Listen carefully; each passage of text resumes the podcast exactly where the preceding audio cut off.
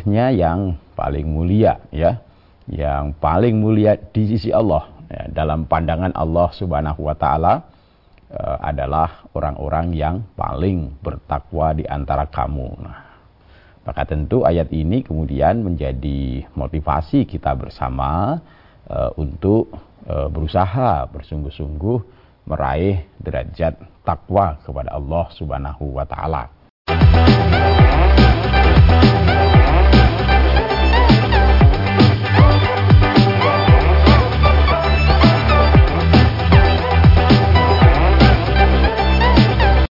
Bismillahirrahmanirrahim. Assalamualaikum warahmatullahi wabarakatuh. Saudara pemirsa channel terpilih MTA TV Di mana pun Anda berada Puji syukur Alhamdulillah Senantiasa kita panjatkan kehadirat ilahi Robbi Allah subhanahu wa ta'ala Atas kenap karunia nikmat dan juga rahmatnya untuk kita semua Di perjumpaan awal aktivitas pagi hari ini. Kita jumpa kembali di program unggulan Fajar Hidayah dan Alhamdulillah sudah hadir Ustadz Dr. Insinyur Didik Joko Susilo STMT IPM yang nanti akan melanjutkan pelajaran sekaligus memberikan pencerahan untuk kita semua di kesempatan kali ini. Assalamualaikum warahmatullahi wabarakatuh Ustaz. Waalaikumsalam warahmatullahi wabarakatuh. Kabar baik dan sehat pagi ini Ustaz? Alhamdulillah sehat. Alhamdulillah. Semakin sehat juga ya. Alhamdulillah. Alhamdulillah. Sehat, sehat. Dan nanti Anda bisa bergabung bersama kami di line telepon 0271 6793000 SMS dan juga di WA kami di 08 11 255 3000. Kita simak pelajaran kita pagi ini. Silakan. Baik. Bismillahirrahmanirrahim. Alhamdulillah alladzi arsala rasulahu bil huda wa dinil haq liyudhhirahu ala dini kulli walau karihal musyrikun. Asyhadu an la ilaha illallah wahdahu la syarikalah wa asyhadu anna Muhammadan abduhu wa rasuluh. Allahumma salli wa sallim wa barik ala Muhammad wa ala alihi wa ashabihi ajmain. Para pemirsa MTA TV, pendengar Persada FM, ya insya Allah dirahmati Allah Subhanahu wa Ta'ala. Pertama, mari senantiasa kita memanjatkan rasa syukur kita kehadirat Allah Subhanahu wa Ta'ala yang sampai detik ini masih mengkaruniakan banyak nikmat kepada kita. Pada pagi hari ini kita dibangunkan lagi oleh Allah Subhanahu wa Ta'ala dihidupkan lagi oleh Allah Subhanahu wa taala. Artinya kita masih diberi kesempatan oleh Allah Subhanahu wa taala untuk senantiasa meningkatkan keimanan dan ketakwaan kita kepada Allah. Untuk senantiasa berkomitmen dengan tujuan hidup kita sebagai orang yang beriman, hambanya Allah untuk mengabdikan diri kita kepada Allah Subhanahu wa taala. Karena kita orang-orang yang beriman punya pengharapan agar ketika kita kembali kepada Allah Subhanahu wa taala, kita ditempatkan pada tempat kembali yang baik di sisi Allah Subhanahu wa taala, yakni di surganya Allah, di janahnya Allah. Tentu ini satu hal yang wajib untuk kita ikhtiarkan, kita usahakan dengan sungguh-sungguh dengan segenap Eh, kemampuan nikmat yang Allah anugerahkan kepada kita. Segala potensi, segala sumber daya yang Allah anugerahkan kepada kita, mari senantiasa kita gunakan untuk membawa diri kita menuju eh, ketakwaan kepada Allah Subhanahu wa taala. Karena sebagaimana sama-sama kita pahami, yang mendapat tempat kembali yang baik di sisi Allah yang dimuliakan oleh Allah Subhanahu wa taala ketika kembali nanti adalah orang-orang yang bertakwa begitu. Sebagaimana uh, firman Allah Subhanahu wa taala A'udzubillahi minasyaitonirrajim inna akramakum indallahi atqakum. Sungguhnya yang paling mulia ya. Yang paling mulia di sisi Allah ya, dalam pandangan Allah Subhanahu wa taala adalah orang-orang yang paling bertakwa di antara kamu. Nah, maka tentu ayat ini kemudian menjadi motivasi kita bersama uh, untuk uh, berusaha bersungguh-sungguh meraih derajat takwa kepada Allah Subhanahu wa taala. Orang yang bertakwa tentu orang yang meyakini ya Allah Subhanahu wa taala sebagai Robnya, sebagai Tuhannya, Eh, apa yang diturunkan, difirmankan oleh Allah Subhanahu wa taala adalah uh, petunjuk yang paling baik, yang paling benar yang kemudian berusaha dengan keyakinan itu mengikuti petunjuk-petunjuk tersebut, mewujudkan keimanannya pada amal-amal atau perbuatan-perbuatan yang ditunjukkan oleh Allah Subhanahu wa taala gitu. Yang sering disampaikan kepada kita yang kemudian e, mengikuti ya e, melaksanakan segala perintah Allah Subhanahu wa taala dan menjauhkan diri dari hal-hal yang dilarang oleh Allah Subhanahu wa taala. Nah, orang-orang yang bertakwa atau orang-orang yang kepingin ya, digolongkan oleh Allah Subhanahu wa taala pada golongan orang yang bertakwa itu senantiasa meyakini bahwa apa yang Allah berikan itu adalah yang terbaik begitu. Jadi kalau suatu e, perbuatan itu diperintahkan oleh Allah Subhanahu wa taala untuk dilaksanakan, untuk dikerjakan, maka diyakini bahwa perbuatan itu pasti akan membawa kebaikan bagi dirinya, baik dalam kehidupan di dunia maupun nanti dalam kehidupan di akhirat kelak gitu Meskipun kadang-kadang perbuatan itu terlihat eh, tidak begitu menarik, tidak begitu menyenangkan, yang mungkin sekilas kayaknya menyusahkan, tetapi itu ketika diperintahkan oleh Allah Subhanahu wa taala untuk dilaksanakan, maka orang yang bertakwa menanggapinya dengan penuh keyakinan bahwa ini insya Allah akan membawa kebaikan pada dirinya gitu. Sebaliknya kalau perbuatan itu satu hal yang dicegah, satu hal yang dilarang oleh Allah Subhanahu wa taala, maka orang yang bertakwa meyakini bahwa perbuatan tersebut pasti akan membawa madorot, akan membawa keburukan pada dirinya. Sehingga kemudian dia terdorong, termotivasi untuk meninggalkan sejauh-jauhnya gitu loh. Jangan sampai terjatuh pada perbuatan-perbuatan yang dicegah, yang dilarang oleh Allah Subhanahu wa Ta'ala. Nah, kalau itu kita bisa lakukan, maka insya Allah nanti kita akan menuju kepada tadi derajat eh, atau predikat sebagai orang yang bertakwa. Gitu. Jadi dalam kehidupan di dunia ini kita eh, atau orang-orang yang pengen digolongkan sebagai orang yang bertakwa senantiasa meyakini bahwa apa yang diperintahkan, apa yang diturunkan, apa yang ditunjukkan oleh Allah Subhanahu wa taala dalam firman-firmannya yang disampaikan oleh utusannya Rasulullah Muhammad sallallahu alaihi wasallam itu adalah kebaikan gitu. Ya, itu yang membawa kepada uh, kebaikan yang menun nanti akan membimbing dirinya kepada kebaikan dalam kehidupan ini baik dalam kehidupan di dunia sampai nanti ketika kembali kepada Allah Subhanahu wa taala di kehidupan akhirat nanti kelak begitu. Maka sebagaimana Allah kabarkan di dalam Quran surat An-Nahl ayat eh, 30 Allah berfirman di situ Wakila lilladina taqaw madza anzala rabbukum qalu khaira. Ya, jadi ketika eh, dikatakan kepada orang-orang yang bertakwa apa yang telah diturunkan oleh Robmu, penciptamu, Tuhanmu. Maka mereka menjawab, Allah telah menurunkan kebaikan. Gitu. Jadi apa yang Allah berikan kepada hamba, apa yang Allah anugerahkan kepada kita, baik itu perintah, larangan, ya, e, cara hidup ya, yang Allah tunjukkan gitu kan, ya itu semuanya ya kita yakini e, adalah yang membawa kita kepada satu kebaikan, yang membawa kita kepada jalan keselamatan. Kalau kita mau mengikutinya, begitu. Nah, sehingga kemudian menjadi satu e, dorongan kita untuk senantiasa bergerak, beramal, beraktivitas pada jalan-jalan yang ditunjukkan, yang diperintahkan oleh Allah Subhanahu wa taala. Karena kita yakin bahwa ketika itu satu perintah Allah Subhanahu wa taala, maka pasti akan membawa kebaikan bagi diri kita, kebaikan bagi keluarga kita, kebaikan bagi masyarakat kita gitu karena Allah Subhanahu wa taala ya tidak menghendaki satu keburukan bagi hambanya begitu. Ya, apalagi hamba-hamba yang taat kepada Allah Subhanahu wa taala, insya Allah pasti akan ditunjukkan kepada jalan-jalan kebaikan.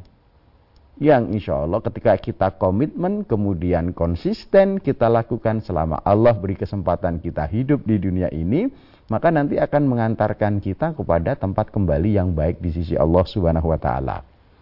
Maka ayat berikutnya Allah kabarkan lilladzina ahsanu fi hadhihi dunya hasanah gitu. Bagi orang-orang yang kemudian di dalam kehidupan di dunia ini tadi memilih jalan-jalan kebaikan tersebut, memilih menggunakan petunjuk-petunjuk Allah, apa yang diturunkan oleh Allah, apa yang difirmankan oleh Allah Subhanahu wa taala, perintah-perintah Allah kemudian berusaha bersungguh-sungguh untuk supaya kita bisa lakukan, supaya kita bisa jalankan begitu. Yang karena kita yakini itu pasti membawa kebaikan. Ketika kemudian ini yang dilarang oleh Allah Subhanahu wa taala, yang diharamkan oleh Allah Subhanahu wa taala, yang dicegah oleh uh, utusannya Nabi Muhammad sallallahu alaihi wasallam kita yakini itu pasti akan membawa keburukan. Ya. Meskipun kita barangkali hawa nafsu kita senang gitu kan. Pergaulan bebas, perzinahan. Mungkin kita hawa nafsu kita senang, pengen begitu. Tetapi ketika itu sudah kita baca, kita pelajari ya, e, itu diharamkan oleh Allah, dilarang oleh Allah, dicegah oleh Eh, Rasulullah Muhammad sallallahu alaihi wasallam maka tanamkan pada diri kita. Itu pasti membawa akibat yang buruk bagi kita. Membawa akibat yang buruk bagi kehidupan kita. Baik dalam kehidupan di dunia apalagi nanti ketika kembali uh, kepada Allah Subhanahu wa taala. Pasti kecelakaan yang akan kita raih yang akan kita peroleh. Meskipun sekilas di dunia kita bisa mungkin ya uh, hawa nafsu kita senang gitu. Hawa nafsu kita merasakan enak ya bebas begitu ya enak ya apa namanya nggak ada larangan seperti itu. Mungkin hawa nafsu kita senang begitu. Tetapi ya dengan keimanan keyakinan kita kepada Allah Subhanahu wa taala kita meyakini ketika itu dicegah ketika itu dilarang pasti membawa dampak yang buruk bagi kehidupan kita gitu. Nah maka nah, kita kemudian e, berkomitmen orang yang bertakwa tadi kalau kita yakini bahwa apa yang Allah berikan itu adalah kebaikan kebaikan kebaikan maka raih berusaha lakukan, berusaha dengan sungguh-sungguh begitu. Nah, kalau kemudian ada usaha, ada kemauan kita untuk tadi ya e, berbuat baik begitu, maka bagi orang-orang yang berbuat baik dalam kehidupan di dunia itu, lilladina ahsanu fi hadhihi dunya, maka dia akan memperoleh hasanah gitu, tempat kembali yang baik, kebaikan yang pembalasan yang baik ketika kembali kepada Allah Subhanahu wa taala gitu. Nah, mungkin kemudian kita yang sekarang ini oleh Allah diberi kesempatan hidup di dunia eh, sering memandang ya yang penting ketika saat kita hidup di dunia kan begitu. Karena apa? Karena yang di dunia ini terlihat oleh panca indera kita mata kita melihat telinga kita mendengar wah ini uh, sukses ini baik ini sehat dan seterusnya begitu gitu. Sehingga kemudian uh, lupa untuk uh, mempersiapkan apa yang nanti akan dia hadapi di yaumil kiamah. Padahal Allah ingatkan, ya ketika kita berbuat baik, ketika kita berusaha berikhtiar menuju hamba Allah yang bertakwa, ya pada derajat takwaan kepada Allah sehingga kemudian bersungguh-sungguh melaksanakan perintah Allah Subhanahu wa taala. Kemudian berusaha sekuat tenaga menjauhkan diri dari hal-hal yang dilarang oleh Allah Subhanahu wa taala e, karena tadi pengharapan agar ketika kembali di sisi Allah tadi mendapat tempat kembali yang baik seolah-olah waduh masih jauh begitu. Seolah-olah yang e, terfikir yang terlihat apa yang nampak di dunia. Nah, maka Allah berikan kabar kepada kita waladarul akhirati khair. Ya ketahuilah hai hamba-hambaku bahwa kampung akhirat itu kan Nah, nanti e, bagi orang-orang yang bertakwa memperoleh tempat kembali, memperoleh balasan yang lebih baik, itu di sana itu ketahuilah itu lebih baik begitu ya. Jadi kampung akhirat itu adalah lebih baik gitu, lebih baik. Jauh kebaikannya yang nanti akan kamu peroleh dibanding dengan apa yang nampak dalam kehidupan di dunia ini begitu kesenangan, kenikmatan yang nanti akan aku berikan nanti di yaumil kiamah, di hari akhirat untuk orang yang bertakwa, untuk orang yang kemudian komitmen e, terus menerus untuk menuju ketakwaan kepada Allah dengan melakukan kebaikan-kebaikan dengan meninggalkan hal-hal yang dilarang oleh Allah Subhanahu wa taala insya Allah akan memperoleh hal yang jauh lebih baik gitu di sisi Allah Subhanahu wa taala. Nah, maka kemudian Allah tutup ayat itu wala darul muttaqin. Dan itulah sebaik-baik tempat bagi orang yang bertakwa gitu. Nah, maka ini tentu kemudian mendorong kita, ayo ketika kita mengaku beriman kepada Allah Subhanahu wa taala, meyakini bahwa ya yang paling mulia yang paling beruntung nanti ketika kembali kepada Allah Subhanahu wa taala adalah orang yang bertakwa, maka terus-menerus kita berikhtiar ya melakukan kebaikan-kebaikan, bersabar dalam melakukan kebaikan-kebaikan, bersabar dalam menahan ya hawa nafsu kita yang kadang-kadang kepingin melakukan satu hal yang buruk, satu hal yang dilarang oleh Allah Subhanahu wa taala ya yang mungkin kelihatannya sepertinya menyenangkan hawa nafsu kita. Tetapi ketika itu dilarang oleh Allah, dicegah oleh Rasulnya, maka kita berusaha sekuat tenaga untuk tinggalkan. Karena kita yakin bahwa apa yang diberikan oleh Allah, petunjuk Allah ini yang terbaik. Kalau itu dicegah, kalau itu dilarang, pasti akan membawa kemudorotan bagi kita. Mudah-mudahan kita semuanya senantiasa eh, sekuat tenaga ya mencari keriduan Allah menuju kepada derajat takwa kepada Allah dan Allah berikan pertolongannya kepada kita sehingga kita e, bisa istiqomah di dalam e, ketakwaan kepada Allah Subhanahu wa taala. Demikian mudah-mudahan bermanfaat untuk kita bersama. Ya. Baik pemirsa, kami harapkan Anda bisa bergabung bersama kami di line telepon 02716793000 SMS dan juga di WA kami di 08 11 255 3000. Namun sebelumnya kita akan simak beberapa informasi dalam rangkaian jeda pariwara berikut ini. Baik saudaraku pemirsa channel terpilih MTA TV di mana pun Anda berada, terima kasih Anda masih setia bersama kami, khususnya di program unggulan Fajar Hidayah pagi ini. Kesempatan pertama kami persilahkan di line telepon 02716793000 untuk bisa bergabung. Halo, Assalamualaikum. Halo, Assalamualaikum. Waalaikumsalam warahmatullahi wabarakatuh. Dengan siapa di mana Bapak? Dengan Bapak Abu Syuhada di Pontianak, Kalimantan Barat. Ya, silakan Bapak Abu Syuhada.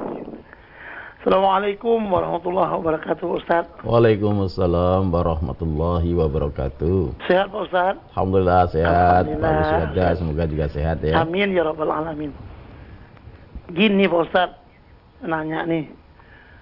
Bagaimana kalau kita tinggal di sebuah lingkungan lingkungan itu aman sih, tidak ada hmm, maksiat yang kita tahu tidak ada.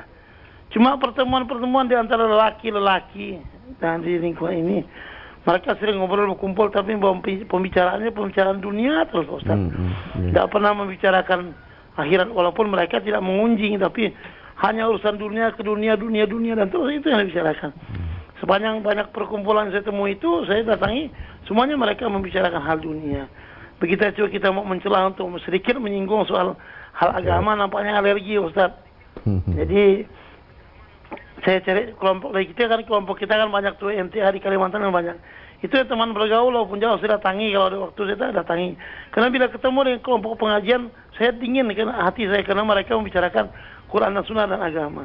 Jadi kelompok itu yang tadi hanya membicarakan agak membicarakan dunia itu Ustaz, saya hindari itu. Hmm. Walaupun saya tidak muslim tapi saya hindari saya tidak mau kumpul lewat yang paling negur ya tapi tidak mau kumpul. Tapi saya menghindari karena mereka tuh agak apa dunia itu tidak uh, ada selip agama agama tidak ada sekali itu Ustaz saya hindari. Jadi pertanyaan saya Ustaz apakah perbuatan saya menghindari mereka itu tidak mau kumpul itu apakah menurut agama salah Pak Ustaz? Ya. itu aja Pak Ustaz atas tausiah terima kasih. Assalamualaikum warahmatullahi wabarakatuh. Waalaikumsalam warahmatullahi wabarakatuh. Ya, maka seperti tadi kami sampaikan Bapak kan jadi ketika uh, orang itu uh, yang tercita-citakan itu hanya kehidupan di dunia, maka tadi yang uh, menjadi satu prioritas adalah yang terlihat oleh panca inderanya, itu matanya, telinganya, seperti itu saja begitu. Sehingga kemudian segala sumber dayanya digunakan untuk tadi e, meraih kesenangan e, dunia. Nah, tentu orang yang beriman kan tidak begitu. Orang yang beriman meyakini bahwa nanti ada kehidupan akhirat, sehingga dia harus e, bersungguh-sungguh untuk mencapai kesuksesan di sana karena kehidupan akhirat itu yang jauh lebih baik begitu. Nah, ketika kemudian di lingkungan kita ya secara e, kondisi sudah nyaman tadi ya e, tempat tinggalnya hanya kemudian eh, tetangga-tetangga kita banyak mengejar atau mendiskusikan, menceritakan, ngobrol-ngobrol, nongkrongnya sampai malam, sampai uh, jam 12 dan seterusnya itu semuanya yang terdiskusikan hanya uh, urusan dunia dan memang sebagian besar manusia ke sana Bapak. Sebagian besar manusia ketika hidup di dunia itu kan sana gitu. Maka kita bersyukur manakala setelah kita belajar petunjuk-petunjuk Allah belajar sunnah-sunnah Rasulullah Sallallahu Alaihi Wasallam kita jadi mengerti. Rasulullah menekankan bahwa eh, kamu hidup di dunia itu sebentar, maka berlakulah sebagaimana seorang musafir itu yang sedang dalam perjalanan. Orang musafir sedang dalam perjalanan, bukan menjadikan dunia ini sebagai tujuan gitu. Akhirat itu yang tempat tujuan kita yang sebenarnya. Dunia ini hanya sebagai ladang kita beramal begitu. Maka ya kalau misalkan kumpulan-kumpulan yang ada di dekat kita itu hampir semuanya diskusinya, pembicaraannya, eh, semuanya berkisar tentang dunia, ya kita tidak perlu kemudian berlama-lama bernyaman-nyaman di situ.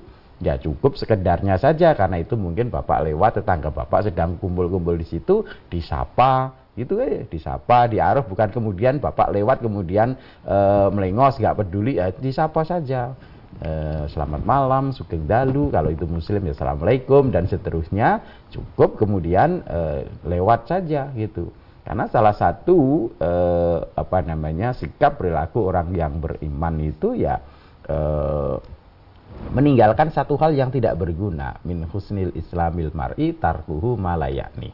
Jadi salah satu kebaikan dari seorang ya, orang yang beriman pada Allah Subhanahu wa taala itu ya, itu meninggalkan hal-hal yang tidak ada manfaatnya, tidak ada gunanya. Ya daripada nongkrong-nongkrong sampai jam 1 malam, jam 2 malam ya mending kita segera tidur, istirahat nanti di sepertiga malam yang akhir kemudian kita bangun. Kita datang bermunajat kepada Allah Subhanahu wa taala. Nah, karena itu lingkungan Bapak, tetangga Bapak ketika misalkan Bapak lewat ya disapa, jangan kemudian lewat sudah diem aja lah itu tidak e, ada manfaatnya, diem aja ya ya cukup lewat disapa. Nah, kemudian tidak usah kemudian ngomyongi di situ sampai jam 10, jam 11 tidak usah karena kita tahu bahwa pembicaranya seperti itu. Lewat saja, sapa, kemudian pamit itu insya Allah sudah e, cukup dalam tata pergaulan kita dengan masyarakat kita, begitu. Nah, kemudian eh, kita senantiasa diingatkan untuk tujuan utama kita adalah eh, kehidupan kebahagiaan di hari akhirat. Seperti itu. Jadi kalau hal-hal yang mungkin tidak berguna ya kita tinggalkan ya. Yang kita mengambil yang bermanfaat bagi kehidupan kita di dunia wal akhirah. Nah, kita bersyukur kita punya teman, kita punya sahabat ya di majelis-majelis kita yang senantiasa mengingatkan kehidupan kita di dunia maupun di akhirat kelak sana gitu. Tidak mata kita tidak hanya memandang pikiran kita tidak hanya memikirkan sesuatu yang nampak dalam kehidupan di dunia, tetapi mengikhtiarkan ya kehidupan kita di akhirat. Karena kita tahu bahwa kehidupan dunia ini satu hal yang sebentar ya, sedikit, kolil gitu kan, yang melalaikan ya kemudian tujuan utama tetap kesenangan kebahagiaan di negeri akhirat kelak. Demikian Pak Abu Syuhada. Ya, baik. Kita bacakan Ustadz yang ada di SMS dan WA dari Ibu Tri di Gombong. Hmm.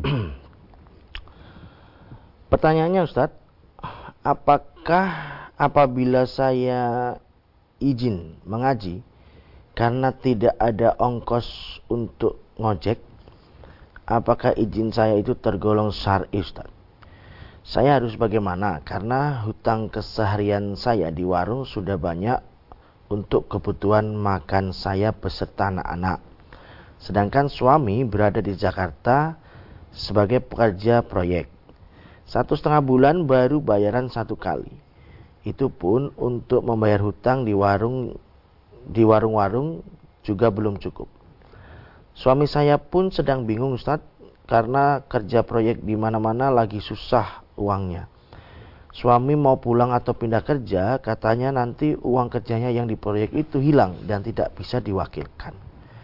Mandor bangunan tidak bisa dimarahi karena itu dari kantornya memang belum ada dana. Hmm. Nah, mohon pencarahannya Ustadz. Kebetulan kami saya sudah hampir lima tahun sudah ikut mengaji dan suami juga hampir delapan tahun. Oh, ya. Demikian. J, uh, alhamdulillah ya, Bu sudah ngaji.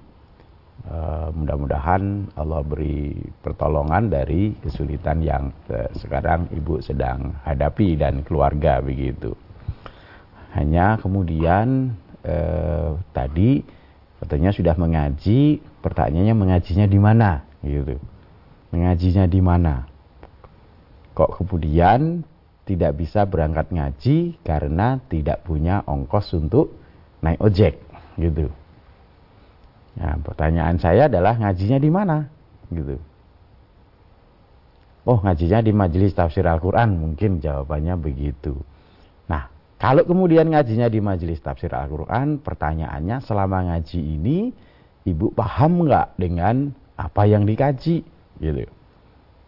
Atau kemudian saudara-saudara ibu sesama saudara ngaji, paham nggak dengan apa yang selama ini diajar, dipelajari dalam majelis kita? Begitu.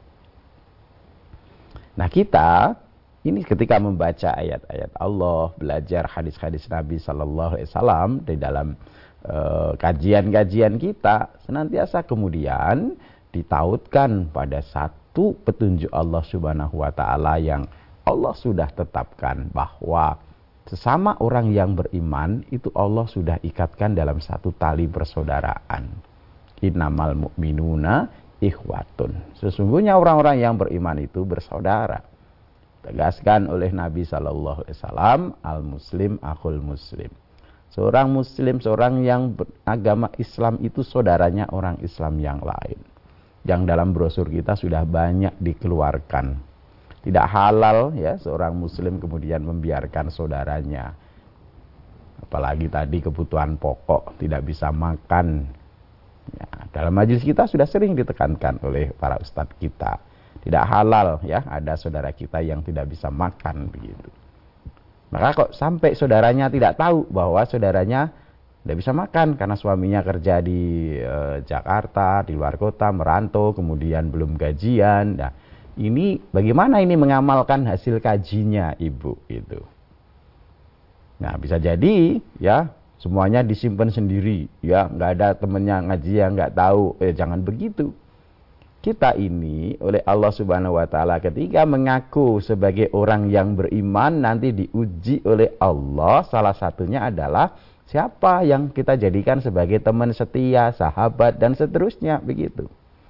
Kalau orang yang beriman sebagaimana surat At-Taubah ayat eh, 16 Allah ingatkan di situ Am hasibtum antutroku walamma ya'lamillahu alladhina jahadu minkum walam yattahidu min dunillahi wala rasulihi walal mu'minina walijah gitu. Apakah kamu mengira bahwa kamu akan dibiarkan sedang Allah belum mengetahui ya dalam kenyataan orang-orang yang berjihad di antara kamu dan tidak mengambil menjadi teman yang setia selain Allah, Rasulnya dan orang-orang yang beriman gitu. Jadi walijah tempat kita berbagi, tempat kita berkeluh kesah, tempat kita berbagi kesenangan, kebahagiaan bagi orang yang beriman adalah saudaranya orang yang beriman gitu. Bagi orang yang ngaji mesti saudaranya orang ngaji begitu gitu loh. Jadi ketika ngaji itu jangan datang dengar pulang, datang dengar pulang seperti itu. Kalau ngaji kemudian datang dengar apa petunjuk Allah, kemudian amalkan gitu kemudian saling bangun ya e, persaudaraan di antara kita yang kalau dalam e, kajian-kajian sering disampaikan supaya kita mulai dengan ta'aruf saling kenal kemudian tafahum saling memahami. Oh si fulan ini suaminya uh, fulanah ini suaminya sedang merantau di Jakarta. Kalau ngaji berangkatnya bagaimana? Oh naik kendaraan umum Nah kalau kendaraan umumnya sudah nggak ada bagaimana? Nggak bisa berangkat ngaji. Apa kita seneng kalau ada saudara kita yang nggak bisa berangkat ngaji? Gitu kan? Gitu. tentu kemudian tergerak saudaranya yang lain ya bagaimana kita bisa berbagi kan begitu kalau zaman dulu bagi yang punya kendaraan bisa uh, unta bisa boncengin boncengin kalau sekarang kan kendaraan banyak mobil banyak saudara-saudara kita yang Allah beri anugerah Allah beri kemudahan rezeki kan sudah banyak kenapa kemudian tidak saling peduli kepada saudara kita gitu. Saling memikirkan pada saudara kita gitu.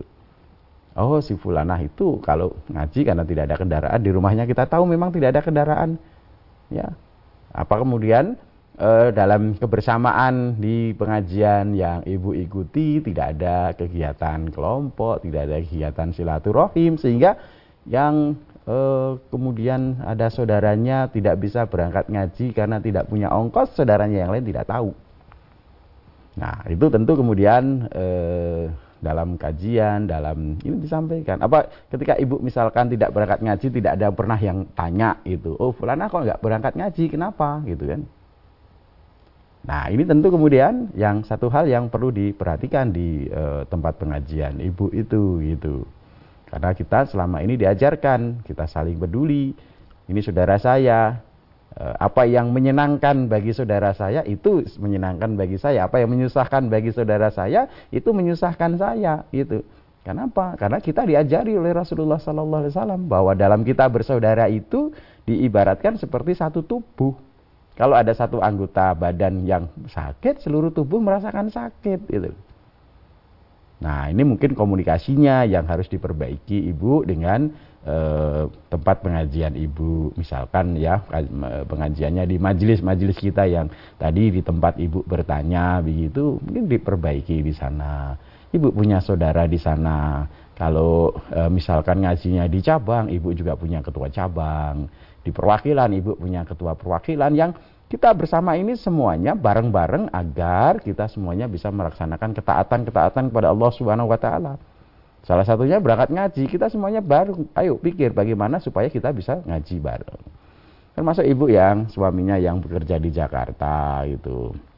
Dikatakan suaminya sudah ngaji 8 tahun.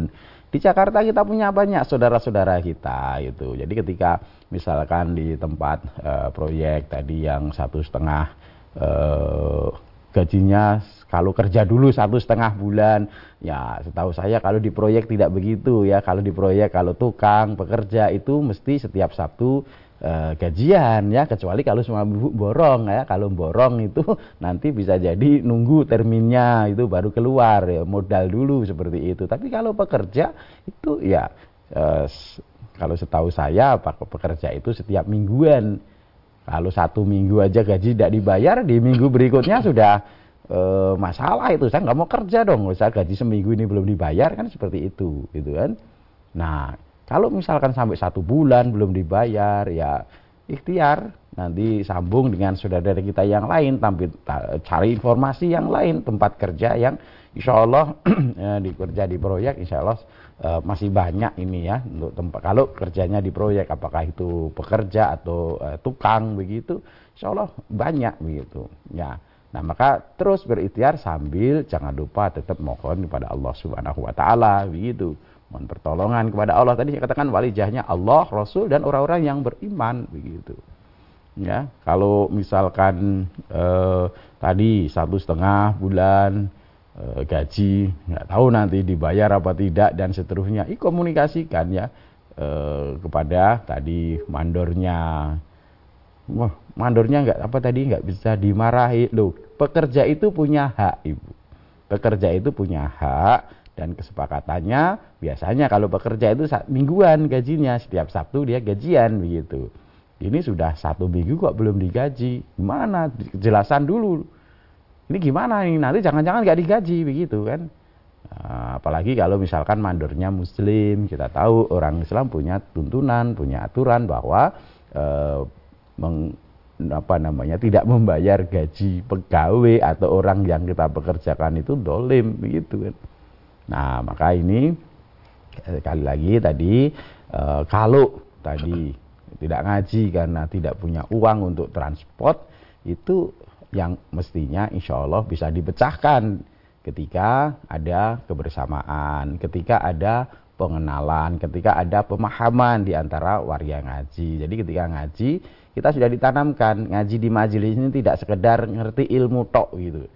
Ya, ngaji di majelis tafsir Al-Qur'an itu tidak sekedar uh, ngerti petunjuk Allah, ngerti tuntunan Rasul sallallahu wasallam tapi kemudian balik nggak diamalkan gitu. Setelah selesai ngaji kemudian pelajarannya hilang, enggak gitu. Tetapi kita setelah paham ya petunjuk-petunjuk Allah, perintah-perintah Allah kemudian ada konsekuensinya mengamalkan. Tentu kalau misalkan di majelis e, tafsir Al-Quran tadi kalau dikatakan ibu sudah ngaji lima tahun, tentu sudah bukan mustamik lagi ya, bukan pendengar, mestinya itu peserta, siswa begitu. Ketika siswa tentu di sana ada satu e, kewajiban untuk saling peduli, saling memperhatikan. Kok bisa saudaranya nggak bisa berangkat ngaji, tidak punya ongkos untuk transport, kok saudaranya yang lain tidak tahu. Tentu itu menjadi bahan evaluasi ibu dan saudara-saudara ngajinya di sana begitu. Bagaimana perikatan persaudaraan, ikatan kebersamaan di pengajian itu sehingga ada saudaranya yang tidak bisa berangkat ngaji, saudaranya yang lain nggak ngerti, tidak peduli seperti itu. Maka tentu itu harus kita perbaiki kalau kita benar-benar berusaha untuk meraih kecintaan Allah, keridhaan Allah. Demikian Ibu, mudah-mudahan Allah beri kesabaran dan Allah beri jalan keluar. Tetapi tentu harus Ibu ikhtiarkan. Jangan diem-diem saja e, tetapi tidak mau mengikhtiarkan. Jangan. Ibu berikhtiar komunikasi dengan saudara-saudaranya yang lain. Minta saran, minta nasihat, minta e, petunjuk kepada saudaranya atau kalau ibu tadi sudah eh, sampaikan sudah ngaji lima tahun tentu di sana ada ketua cabangnya atau ketua perwakilannya ibu bisa matur datang kepada beliau sebagaimana dulu para sahabat ketika ada kesulitan-kesulitan maka datang kepada Rasulullah Shallallahu Alaihi Wasallam gitu maka ketika ibu e, punya kesulitan punya satu hal yang menyusahkan atau bagaimana silahkan ya datang kepada e, tadi pengurus yang ada di e, pengajian ibu tadi. Demikian ibu, semoga Allah beri jalan keluar. Baik Ustaz, kami sampaikan terima kasih atas pelajaran tausiahnya di kesempatan kali ini. Assalamualaikum warahmatullahi wabarakatuh. Waalaikumsalam warahmatullahi wabarakatuh. Baik saudaraku pemirsa channel terpilih MTA TV di mana pun Anda berada. Demikian tadi telah kita simak dan itu bersama program unggulan Fajar Hidayah pagi ini. Kita jumpa kembali di kesempatan mendatang dan saya Tommy Al-Fatani pamit undur. Alhamdulillah alamin subhanakallahumma wa bihamdika asyhadu an la ilaha illa anta astaghfiruka wa atubu ilaik. Assalamualaikum warahmatullahi wabarakatuh.